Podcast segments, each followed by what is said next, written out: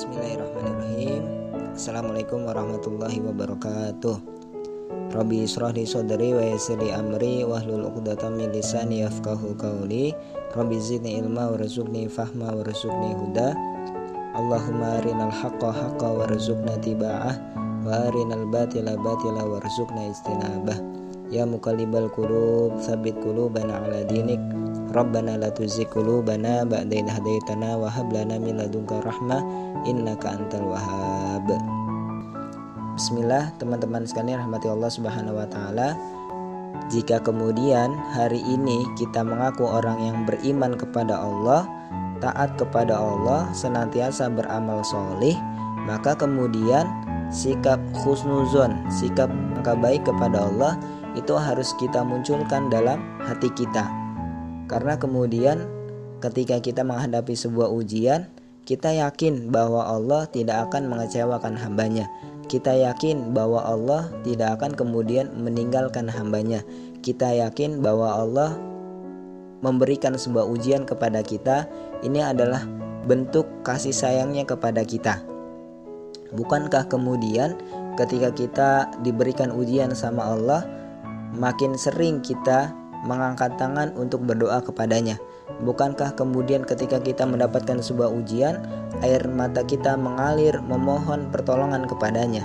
Makin dekat kita kepada Allah, makin bertambah infaknya, makin bertambah sedekahnya, makin panjang sujudnya, makin kemudian interaksinya kepada Allah senantiasa bertambah, frekuensinya kepada Allah semakin bertambah. Maka prasangka berhusnuzon berprasangka baik kepada Allah ini perlu kita hadirkan pertama-tama ketika kemudian kita menghadapi sebuah ujian atau cobaan yang hari ini menimpa kita. Kalau hari ini antum orang-orang yang beriman, maka coba sama-sama kita buka di dalam Al-Qur'an surah Al-Baqarah ayat 214. Allah mengatakan Bismillahirrahmanirrahim. Am hasibatum an tadkhulul jannah? Walamma ya'tikum mathalul ladina khalau min qablikum. Masadhumul ba'sa wadh-dharra wa zulzilu hatta yaqulu rasulu walladina amanu ma'ahu mata nasrullah. Ala inna nasrullahi qarib. Kata Allah di dalam Al-Quran Surah Al-Baqarah ayat 214 Allah mengatakan apakah kalian mengira kalian akan masuk surga Ayat ini khusus untuk orang-orang yang beriman. Padahal kalian itu belum diuji oleh Allah sebagaimana kemudian orang-orang terdahulu itu diuji.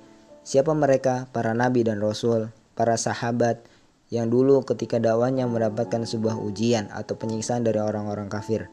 Mereka itu ditimpa oleh oleh malapetaka atau kemudian kesengsaraan atau digoncang dengan berbagai macam cobaan. Sehingga berkatalah Rasul dan orang-orang beriman, kapankah pertolongan Allah itu datang? Maka kemudian Allah mengatakan, ingatlah sesungguhnya pertolonganku itu amatlah dekat. Ala inna nasrullahi qarib. Itulah kemudian kata Allah ketika hari ini kita mendapatkan sebuah sebuah ujian. Jadi berprasangka berprasangka baik kepada Allah dan kalau hari ini kita beriman kepada Allah maka pasti kita akan diuji oleh Allah Subhanahu wa taala. Cuman kabar gembiranya Allah sampaikan bahwa pertolonganku itu amatlah dekat. Ya. Jadi kita juga bisa belajar kepada orang-orang terdahulu bagaimana kemudian para nabi dan rasul itu mendapatkan sebuah ujian dari Allah ya. Mereka itu kekasihnya Allah, tetapi kemudian mereka juga tetap diuji. Bagaimana kisahnya Nabi Ayub alaihissalam yang kemudian diberi, diberikan ujian berupa penyakit ya sampai kemudian istrinya menjauh, keluarganya menjauh, harta kekayaannya, hewan ternaknya semuanya hilang tapi kemudian tetap bersabar, istiqomah beribadah kepada Allah hingga kemudian ya uh, penyakitnya Allah sembuhkan dan hartanya Allah kembalikan. Masya Allah. Nabi Muhammad SAW juga demikian dakwahnya luar biasa. Uh, setelah Amul Huzan ditinggal istrinya Khadijah, ditinggal pamannya yang tercinta, kemudian berangkat ke Taif untuk dakwah tapi kemudian mendapatkan sebuah ujian. Apakah kemudian Rasulullah mengeluh? Tidak. Apakah kemudian Rasulullah itu tidak lagi beribadah kepada Allah? Tidak. Justru makin semangat ibadahnya kepada Allah. Hingga akhirnya kemudian Allah berikan semuanya. Allah kembalikan. Ya umatnya bertambah. Penduduk Taif pasca Rasulullah wafat itu menjadi beriman kepada Allah Subhanahu wa taala. Masya Allah. Jadi teman-teman sekalian hadirkan khusnuzon kepada Allah, belajar sama orang-orang terdahulu, orang-orang terbaik kekasihnya Allah itu bagaimana kemudian ketika menghadapi sebuah ujian tidak mengeluh, tidak kemudian berputus asa, tetap beribadah kepada Allah hingga kemudian karena Allah mencintai mereka, oh ini benar nih orang yang memang beriman kepada aku. Ditimba kesenangan dia tetap beribadah, ditimba ujian dia tetap beribadah. Ya ketika ujiannya dicukupkan sama Allah Allah berikan Allah ganti dengan yang lebih baik.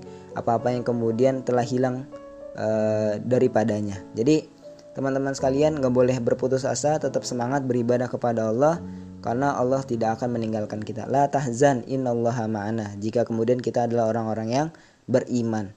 Ini ujian nih cuman ngetes doang kok ya. Nggak lama insya Allah. Cuman ngetes doang ini bener nggak nih imannya kepada Allah? Kalau bener imannya kepada Allah dikasih ujian tetap beribadah kepada Allah nanti akan Allah ganti insya Allah. Dan kita juga harus pahami bahwa ujian ini selain memang e, cara untuk ngetes iman dan cara agar kemudian makin bertambah iman kita kepada Allah karena ujian itu adalah hakikatnya sebuah e, cobaan keimanan begitu ya. Nanti kalau kita lulus ya naik level nih. Jadi makin kita diuji kita bersabar kita lulus dengan ujian tersebut makin bertambah level kita derajat kita di hadapan Allah Subhanahu wa taala. Dan kita juga harus memahami bahwasanya ujian yang hari ini kita hadapi ini adalah penggugur dosa-dosa kita.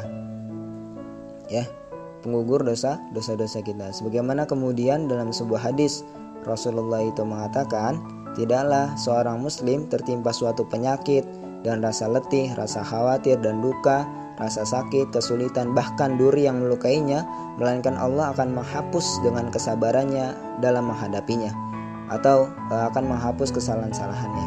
Jadi ketika dikasih ujian sama Allah berupa kesedihan, rasa sakit, kesulitan, pusing gitu kan atau yang lain atau yang lain sebagainya, maka yakinlah pada saat itu Allah sedang menghapus dosa-dosa atau kesalahan-kesalahan kita.